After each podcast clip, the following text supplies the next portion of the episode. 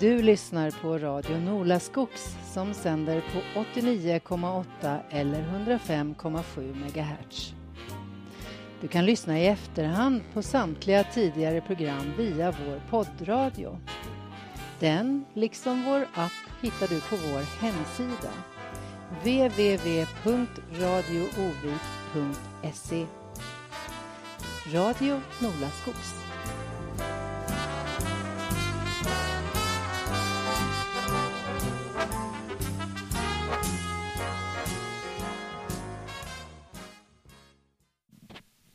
Välkommen till Radio Nolaskogs med Vårdpratarna. Jag heter Elle Gunnarsson.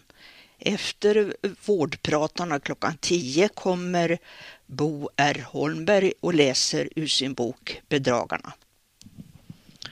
Dagens vårdpratare är Berit Bergstrand som berättar från sin tid som operations och narkossjuksköterska och klinikföreståndare vid sjukhuset i Övik.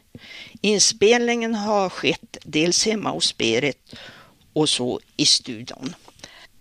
Välkommen Berit! Mitt namn är Berit Bergstrand och jag föddes i Lidköping men växte upp i Örnsköldsvik från ett års ålder med mor och far och tre äldre syskon. Min familj idag består av min man Henry och två barn. Lena, hon kom 1962 och är skolsköterska i Örebro kommun. Hon har make och tre barn. Ulf föddes 1965 och han är överläkare vid anestesi-IVA-enheten i Umeå. Min skolgång bestod av sjuårig folkskola. Två år på Hampnäs folkhögskola Sjuksköterskeutbildning mellan 1956 till 1959. Examen julen 59. Specialistutbildning, operation, anestesi har jag fått i Örnsköldsvik och jag var anställd vid Örnsköldsviks sjukhus från 1960 till 1996. En liten bakgrund innan jag hamnade inom sjukvården. Vid 17 års ålder drog jag iväg till Stockholm och arbetade som barnflicka en kort tid. Sökte sedan till kronprinsessan Lovisas barnsjukhus som sjukvårdsbiträde. Där tändes mitt intresse för sjukvård. Läste sedan på Hampnäs folkhögskola 1954 till 1955.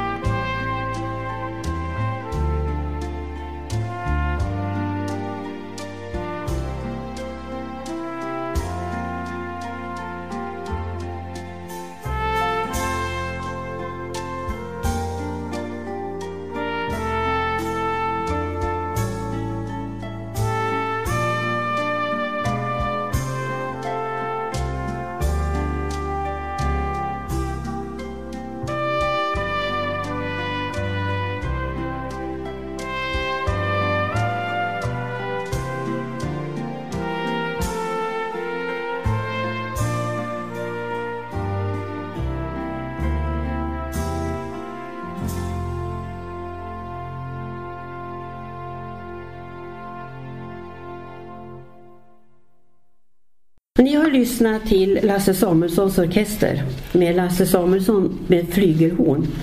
Och det var sången i folkviseton. Sjuksköterskeutbildningen som började 1956 den var en lärorik och ganska tuff tid. Vi var 22 elever i min årskurs. Disciplinen var ganska hård. Till exempel när det gäller klädseln, alltid välstruken i klänning och vitt förkläde. Först var man plättelev ett år, sedan med välstärkt mössa efter första läskursen. Det fanns en kvällvakt exempelvis i foajén på sjuksköterskeskolan och där fick besökare, då speciellt manliga besökare, de fick hälsa på till klockan 22.00. Det uppringdes vid besökstidens slut. Den första placeringen som elev var på kirurgavdelningen i Sundsvall. Det var en ansvarsfylld tid. Omvårdnad av sex patienter på två salar. Omläggningsrummet var en annan plats som vi tillbringade mycket tid med sterilisering av katetrar, sprutor, sprutspetsar och övriga instrument. Det sköttes av oss elever. Det var mycket tidskrävande. Vi förberedde patienter för operation. Det gjordes på vårdavdelningen. Exempelvis vi rakade alla patienter på, det, på operationsstället. Avdelningsföreståndaren på den här kirurgavdelningen var väldigt krävande och respekten för henne var oerhört stor. Praktiken inom specialiteten var lärorikt. Efter andra läskursen var vi provsystrar och ansvaret växte. Mitt sista år under specialistutbildningen gjordes på operationsavdelningen vid Örnsköldsviks sjukhus specialistutbildning, operation och anestesi.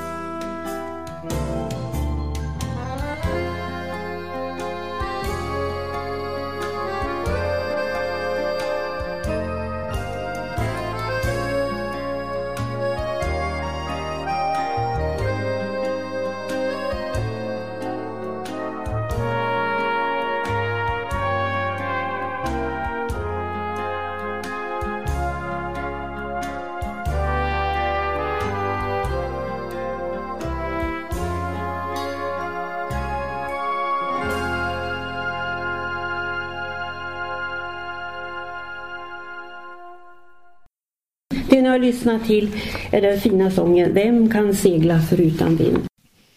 Jag var som sagt provsyster på operationsavdelningen i Örnsköldsvik under handledning av tjänstgörande sjuksköterskor med lång erfarenhet av sitt arbete. Vi ansvarade för en operationssal och vi steriltvättade oss ute i tvätthallen med en underbar utsikt över staden. Sedan uppdykning på, uppdukning på operationssalen. Ett stort instrumentbord dukades upp och stod uppdukat hela dagen med extra galler och instrument. Det, patienten förbereddes för operation och sterilkläddes. Operationssköterskans uppgift var att vara med operatören i såret. Det gällde att vara steget före med instrument med mera. Och träning ger färdighet. Efter operationen innan såret syddes skulle instrument och bukdukar räknas. Till vår hjälp fanns då undersköterska på instrumentsidan och på anestesisidan en ovärderlig hjälp. All instrumentvård sköttes på operationsavdelningen. Disk, kokning, sterilisering, autoklavering med mera. Att koka instrument och lägga galler var ofta jourens uppgift. Sterilcentral fanns inte utan förrådet fanns på operationsavdelningen. Och på kvällen om något saknades av instrument exempelvis måste alla tvättsäckar genomsökas. Allt måste stämma. Jourerna, veckokvällar och helger tjänstgjorde vi operationssköterskor var femte helg och vi var jour fredag till måndag morgon. Efter några år stod tjänstgörande sjuksköterska på kirurgmottagningen. Hon var operationsutbildad och hon stod för instrumenteringen då och vi anestesisköterskor var jour tillsammans med två undersköterskor på operation. Jag har alltid trivts med min specialitet, även om pressen kändes tung ibland. Jourerna fredag till måndag var femte här var ansvarsfyllda. I början hade vi ingen narkosläkare utan opererande läkare ansvarade även för anestesin. Vi som arbetade på operation som sjuksköterskor hade ju dubbel behörighet, det vill säga operation och anestesi. Och det var väldigt bra för då kunde vi hjälpas åt på ett fint sätt. Nu ska vi lyssna till Björn Skifs fina melodi och sång Håll mitt hjärta.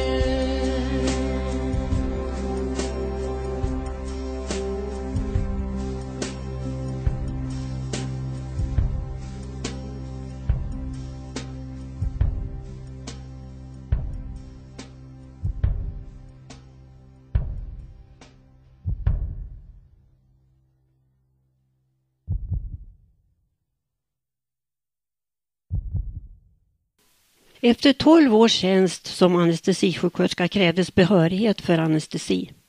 Jag gick en kurs i Umeå på tio veckor. Det var mycket berikande för att få fortsätta som narkossköterska. Efter den kursen blev jag ombedd att välja antingen instrumentering eller narkos. Jag valde det senare. 1962 kom vår dotter till världen och 1965 kom vår son. Och jag var mammaledig några månader efter graviditeterna.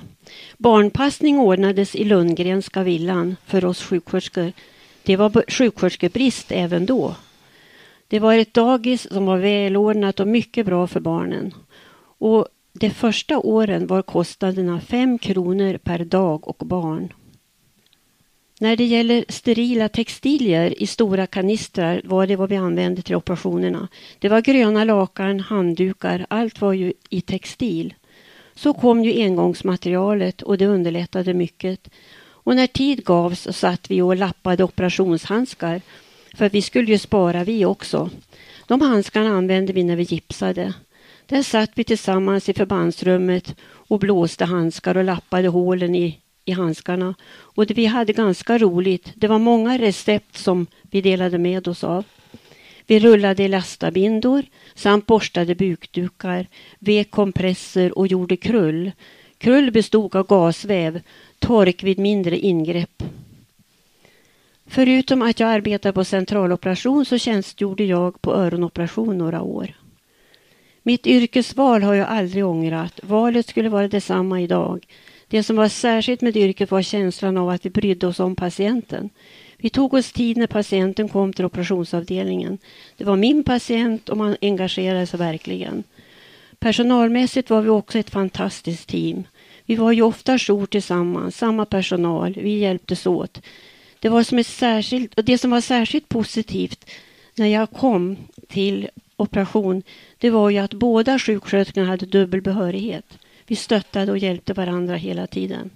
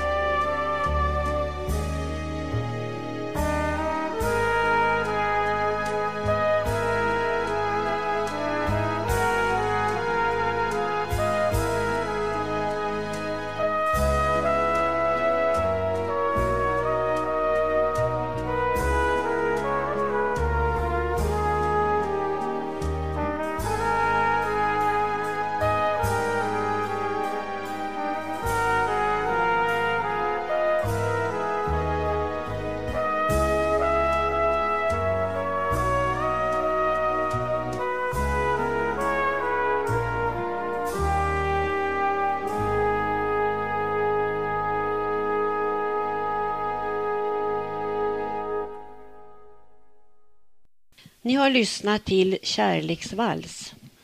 Ansvaret som färdig sjuksköterska var att stå på egna ben. Vi hade ingen narkosläkare bakom oss utan det var kirurgen som ansvarade för anestesin, eller rättare sagt den opererande läkaren. Anestesiutbildningen fick jag på operationsavdelningen och det gick till så med handledning av rutinerad sjuksköterska så förberedde vi patienten för ingreppen. Många operationer gjordes i lokalbedövning. Exempelvis doktor Alf Lundgren opererade alla strumor och magar, ventriklar, i lokalanestesi. Narkosen den inleddes med kloretyl. Man hade en gasvävsmask som man klädde och sedan kopplades patienten till en narkosapparat med syrgas, lustgas och eter, så kallad öppen mask. Vid större operationer så intuberade, intuberades patienten och det innebar att man satte ner en tub i luftstrupen och man handventilerade patienten. 1962 då kom Donald Pegden, en, ny narko en narkosläkare till Löviks sjukhus. Vilken lycka! Utveckling med säkrare narkosapparater, narkosjournal infördes och allt blev mycket mer professionellt. Ryggbedövningar blev vanliga och tryggheten ökade med en specialistläkare inom anestesin. Berit, du har varit med på en enastående resa när det gäller utveckling utav bedövning för patienterna. Du har börjat med det enklaste enkla, med att droppa eter, som du beskriver här. Och sen kom enkla apparater. De första var med syrgas och lustgas och så kunde man eh, dosera etern. Ja. De var väl inte så bra de där första apparaterna. Sen följde utvecklingen då med intubation som du har beskrivit och så eh, kallat pilgift bland mm. annat. Kan du utveckla lite grann mera där? Ja, man, man hade ju möjligheter till andra mediciner plötsligt. Vi kunde ge avslappande mediciner till patienten och som sagt vi satte ner en tub i halsen. I, förlåt, i luftstrupen.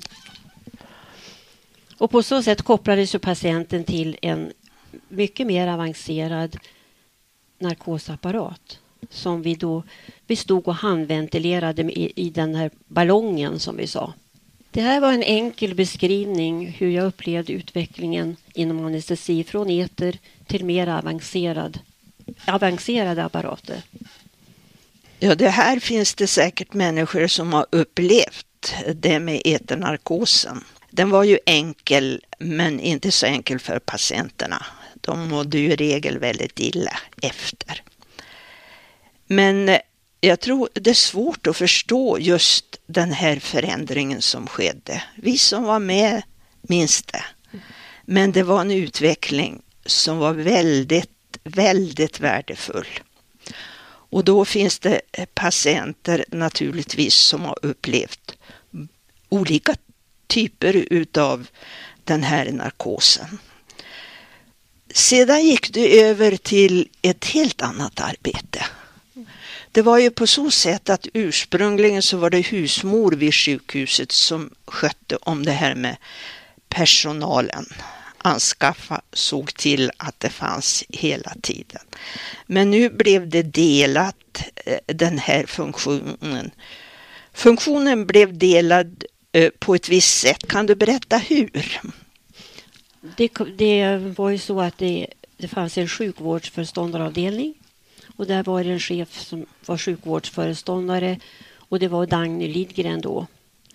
Och så var vi fyra, tre eller fyra klinikföreståndare underställda henne. Och våra, från sjukvårdsföreståndare, då fick jag en förfrågan 1978 från sjukvårdsföreståndaravdelningen av Dagny då om jag ville vikariera som klinikföreståndare. Svaret blev ja. Jag ville prova på en administrativ tjänst. Men det, var inte, det gick inte så lång tid förrän jag upptäckte att behovet av administrativ utbildning blev ett måste. Så 1979 till 1980 gick jag vårdadministrativ utbildning i Umeå. Efter utbildningen fick jag befattning som klinikföreståndare på medicinkliniken bland annat. Vi ska lyssna till Ta mig till havet.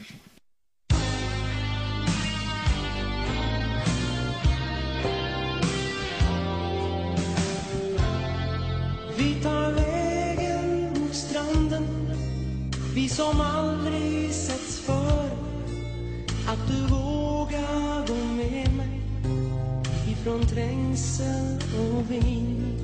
Det var enkelt för båda. Bara öppna en dörr. Sommarnatten är från och med nu din och min. Med en suck rullar vår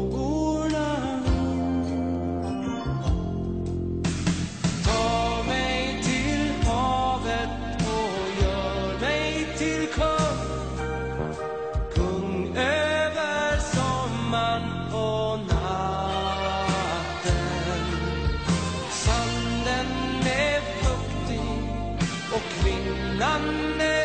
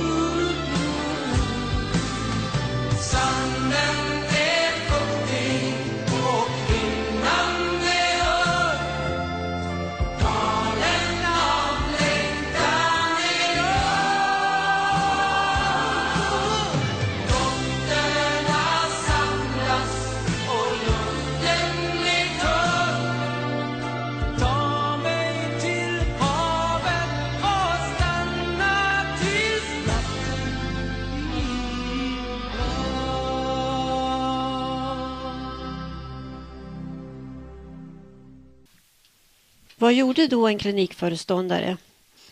Mina arbetsuppgifter var personalansvar tillsammans med klinikchef och avdelningsföreståndare på respektive avdelning.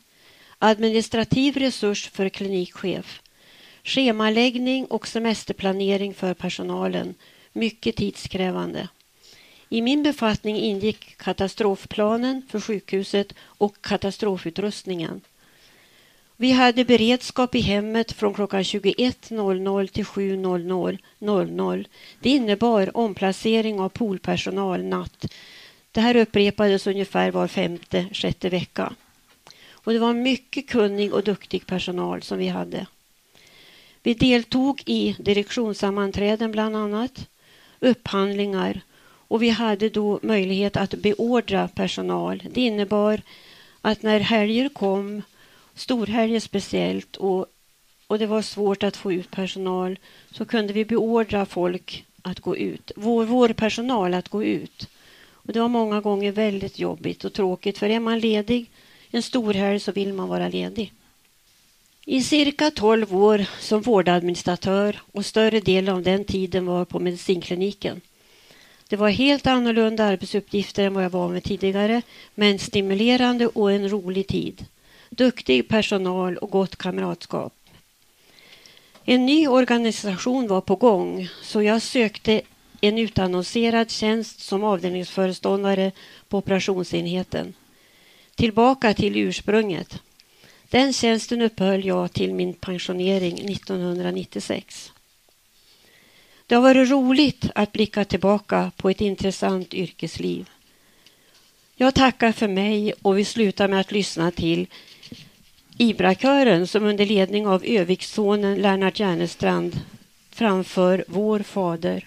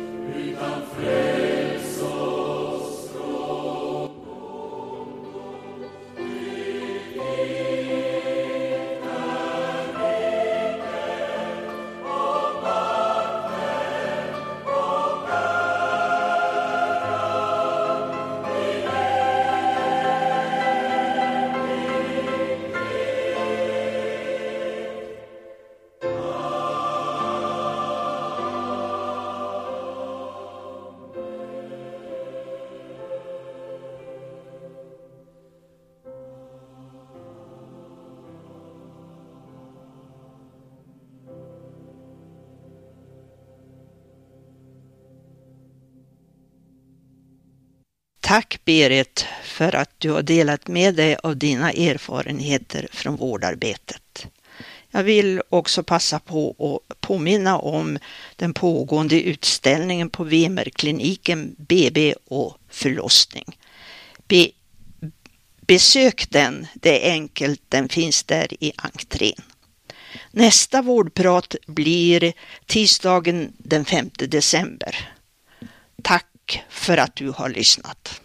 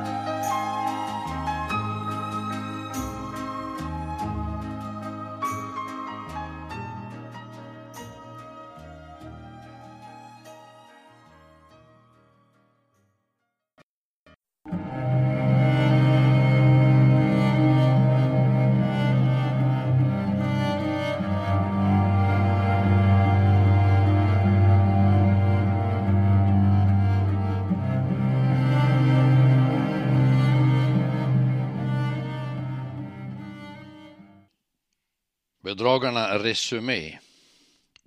Erik Morell frågar ut Margareta Danielsson som Hilma Andersson påstår har haft ett förhållande med den döde Nils Bolin. Margareta Danielsson erkänner inte att det var henne Hilma såg.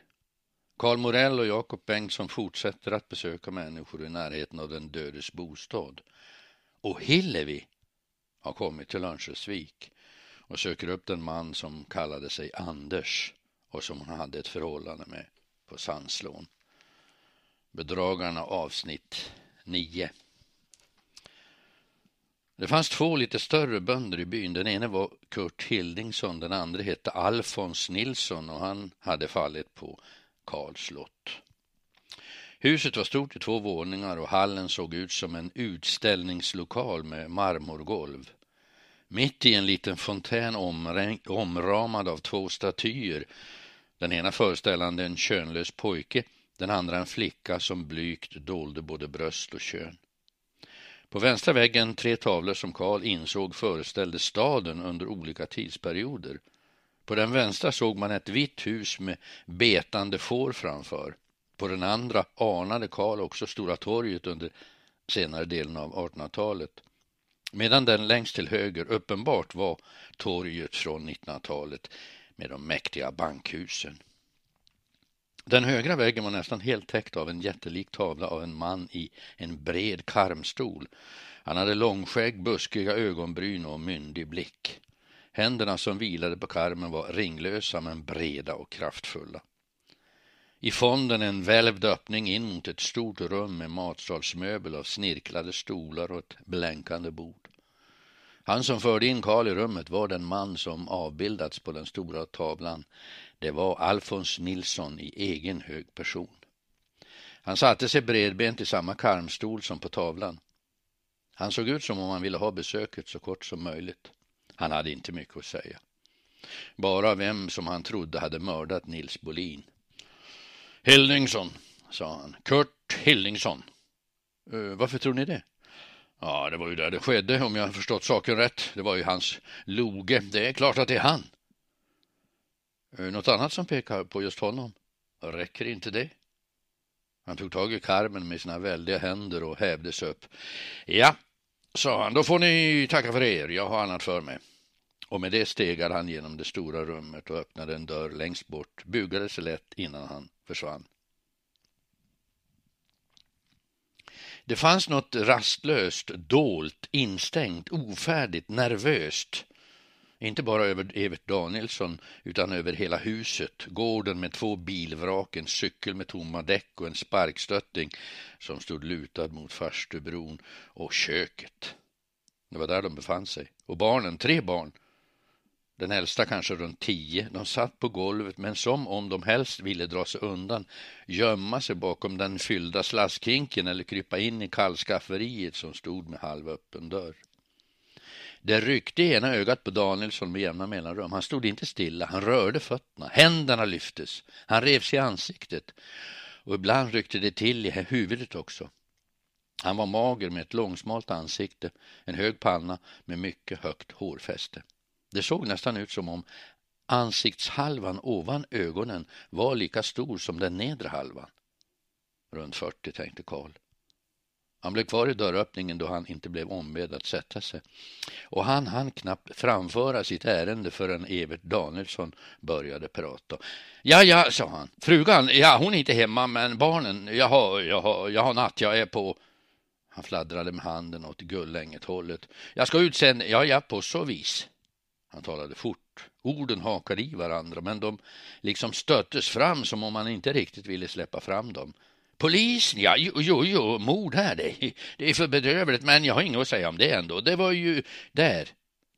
Han pekade igen, nu upp mot Hildingssons ägor. I, i höet väl, va? Men Bolin, ja, ja, vem vet vem som kan ha gjort och, och varför inte så att jag kände Bolin? Nej, nej, nej, det gjorde jag ju inte, icke. Ja, frun då, hon for åt stan, hon, eller så hade ni ju kunnat inte för att jag tror att hon vet någonting heller, men vi tre ska fara så att om det inte var något annat. Det ryckte huvudet på honom, han vände sig om och det såg ut som om han först nu uppmärksammade att barnen var inne. Men gå ut, sa han. Sitt inte här och gå ut med er. De tre barnen reste sig som på kommando och var snart ute ur köket. Barn, ja, ja barn, de, de växer väl upp. Han skrattade till och rev sig på kinden och tystnade. Det var som om han varit uppumpad, men nu hade luften läckt ut. Karl tänkte på vad Erik berättat om Evert Danielssons fru. Hon hade bedragit sin man, hon hade legat med Nils Bolin i hans ruckel. Han visste inte om Erik skulle ha valt den väg han valde, men han tog sats medan den sista luften pep ut ur Evert Danielssons magra kropp. Han var visst en eh, kvinnokarl, Nils Bolin, sa han. Har ni hört något om det? Hur då? Vad menar ni? Att han hade kvinnor och så? Nej, det vet jag inte, men eh, han var väl inte gift, men kanske en fjälla eller två, inte vet jag. Nej, nej.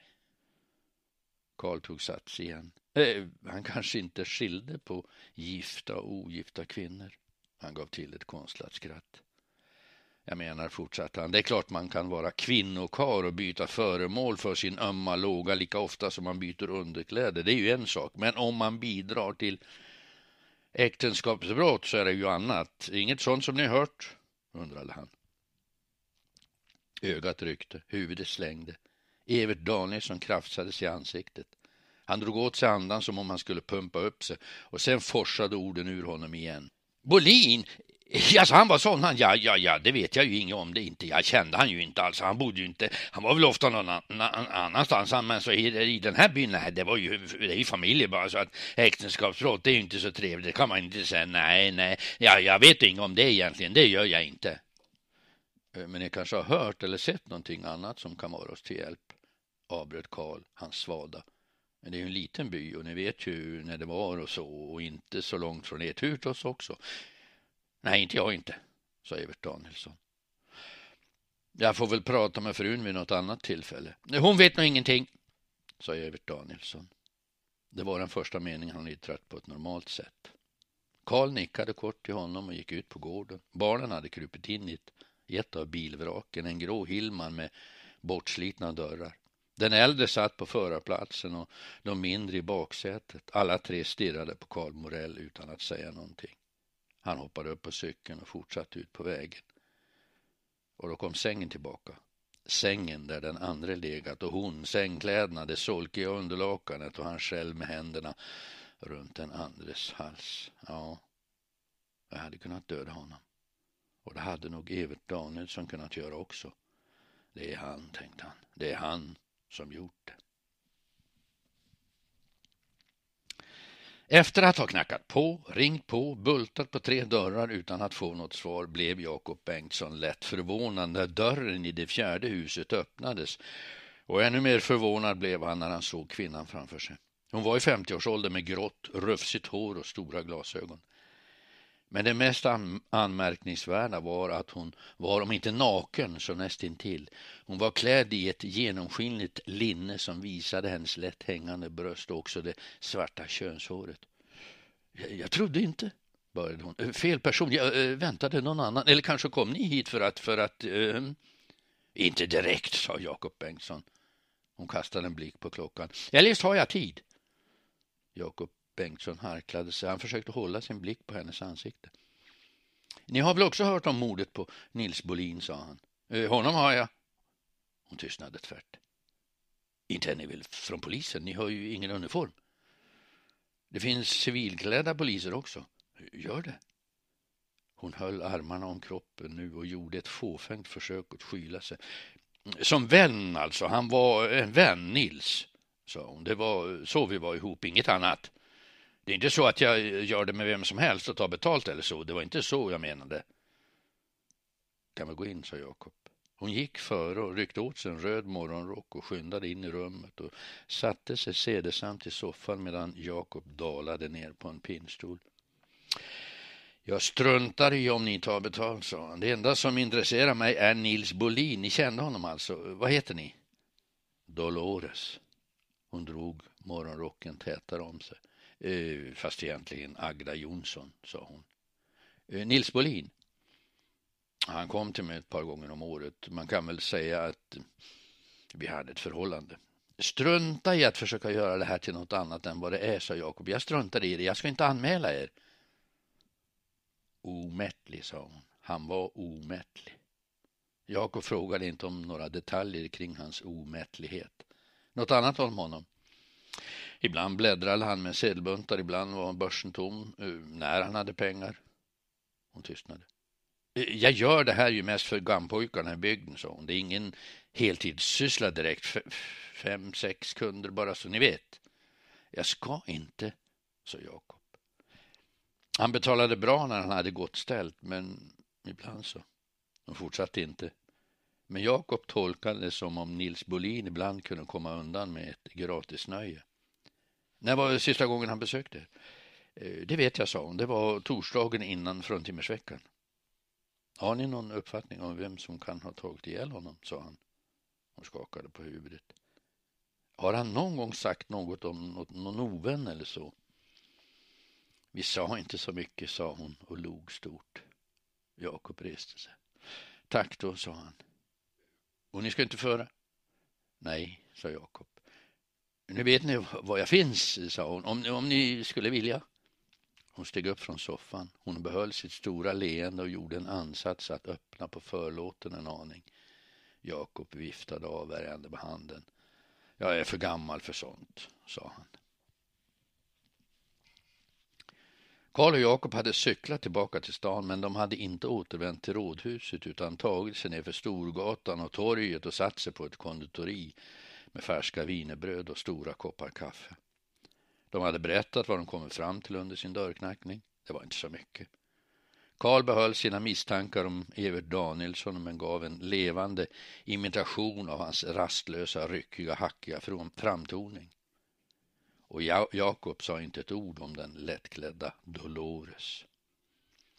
Tre förslag på möjlig gärningsman hade de fått i varje fall, utan några bindande bevis. Förutom Kurt Hildingsson även Baltzar Karlsson och en man från Järved som gick under namnet Rudolf Valentino Oskarsson och som suttit inne för olaga sprittillverkning, postbedrägerier och en mängd andra lurendrejerier. Eh, vi kanske måste ta hjälp av statspolisen, sa Jakob. Ja, snart måste det hända något, sa Karl. Han lyfte kannan och slog i mer kaffe åt både sig och Jakob. En gång hade det betat får och kor här för hundra år sedan. Han log vid tanken på Alfons Nilssons skrytbygge med statyer och marmorgolv. Jag tycker pappa ska sluta efter det här, sa Karl. Jag, jag, tycker han ser trött och slut ut. Äh, nu tror jag han håller ihop ett tag till, sa Jakob. Och du är väl lika gammal du? jag vet inte hur gammal jag är, sa Jakob och smuttade på kaffet. Och så berättade han om hur det gått till när han hamnade hos han som han trott vara hans far, Levi Bengtsson. Du vet väl att eh, Levi och han, din farfar var poliser här? Ja, det visste Karl. Men vet du att Levi och din farfar hade eh, diade samma kvinna? Min farmor, hon hette Antonetta. Va? Varför det? Ja, din farfars mor fick något slags neuros när hon födde din farfar Gustav Morell, så det var därför. Min farfar hette Israel Brolin. Han var rackare och budare. Rackare vet jag vad det var, sa Karl, men budare? Renhållning, de som tömde dastunnorna. Brolinarna hörde till de utstötta. Levi Bengtsson hette egentligen Lorentz Brolin, men han bytte namn. Han tog en klunk kaffe. Jag läste artikeln om er, den var bra. Jag tror inte att det blir någon artikel om min släkt Brolinarna. Varför inte det? Han har frågat mig vad heter han, Berg väl, men jag har sagt nej. Jag tror det är bäst att ingen vet att jag egentligen är en brolinare. Karl frågade inte mer. Ska vi gå, sa han. Jag önskar att vi hade något bättre att komma med än vad vi har.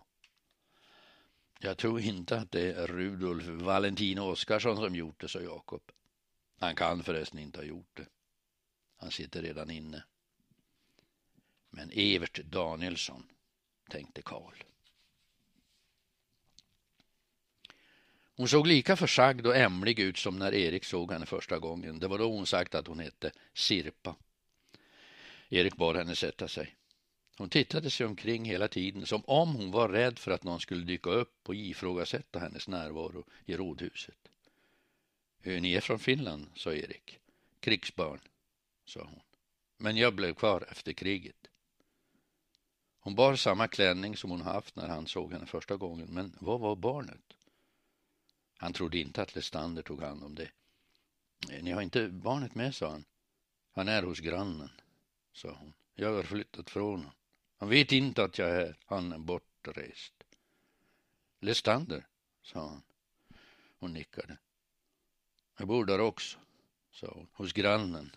Jag har slutat som hushållerska hos Lestander. Och vad kan jag stå till tjänst med, sa Erik som om han var en handlare. Det är han som gjort det, sa hon. Lestander? Det är han som tagit ihjäl Nils. Så här var det. Hon hade träffat Nils Bolin i stan i våras där han hade hyrt en liten etta långt på Nygatan och de hade blivit ett par.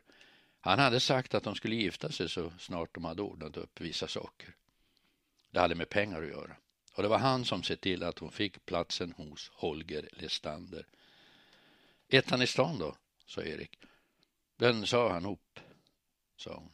Han skulle bo i huset på Lestanders gård, nära mig, och vi skulle arbeta båda två. Till hösten skulle vi gifta oss, så sa han. Men det hade visat sig att det inte bara var som hushållerska hon skulle arbeta. Hon skulle tjäna mer om hon lät Lestander komma till henne i sängen. Hon använde det uttrycket, komma till henne i sängen. Och det hade hon gjort, för Nils skull. Men vissa nätter låg hon i stugan hos Nils. Så hade det varit. Och Nils hade sagt att det snart skulle vara över. Snart skulle de ha fått ihop så pass mycket pengar att de skulle gifta sig. Och han hade också lovat att han skulle ta hand om pojken som hette Antti som sin egen. Men så hade det inte blivit. Hon grät inte men underläppen darrade. Och, och ni vet att Lestander var den som dödade Nils Bolin, sa Erik. Såg ni det? Nej, jag såg ingenting, sa hon. Men jag tror det. Det måste vara han. Varför? Vad heter det? Svartsjuk. Han ville ha mig för sig själv. Han sa det. Vad sa han? Att han skulle ta hand om både mig och Antti. Men det vill inte ni. Jag älskade Nils, sa hon. Erik sa ingenting. Men han lät undslippa sig en tung suck. Eh, de där extra pengarna för ditt tillmötesgående med Lestander, har du, du dem? Nils tog hand om dem, sa hon. Inga pengar hade funnits i Nils Bolins kläder. Vad var de? Ni tror att det var Lestander, sa Erik. Har ni några bevis? Hon skakade på huvudet. Blodfläckar till exempel. Har han uppträtt annorlunda? Nej, men det måste vara han. Ni sa att han är bortrest. Var har han farit? Det är nu sand. När kommer han hem? Han kanske har kommit hem. Jag var, jag vet inte. Vi ska prata mer med honom, säger Erik, men eh, det kan vara svårt eftersom det inte finns några bevis. Men vi ska prata med honom på en gång om han nu är hemma. Och ni? Vad menar ni? Ja, ska ni bo hos grannen nu? Har ni sagt åt Lestander att ni har slutat arbeta hos honom? Jo, det har jag. Är ni inte rädd för att han ska skada er också? Hon svarade inte, men nu började hon gråta, en tyst, stillsam gråt som upphörde lika fort som den börjat. Ni måste ta honom, sa hon. Ni måste se till att han straffas. Var tror ni att mordet skedde, sa Erik. Vid stugan, sa hon, på natten. Men man hittade ju liket i Hildingssons lada, det är en bra bit därifrån. Jag vet inte, sa hon. Jag bara tror. Ni måste straffa honom. Vi ska prata med honom, sa Erik. Om det är han som gjort det ska jag se till att han straffas.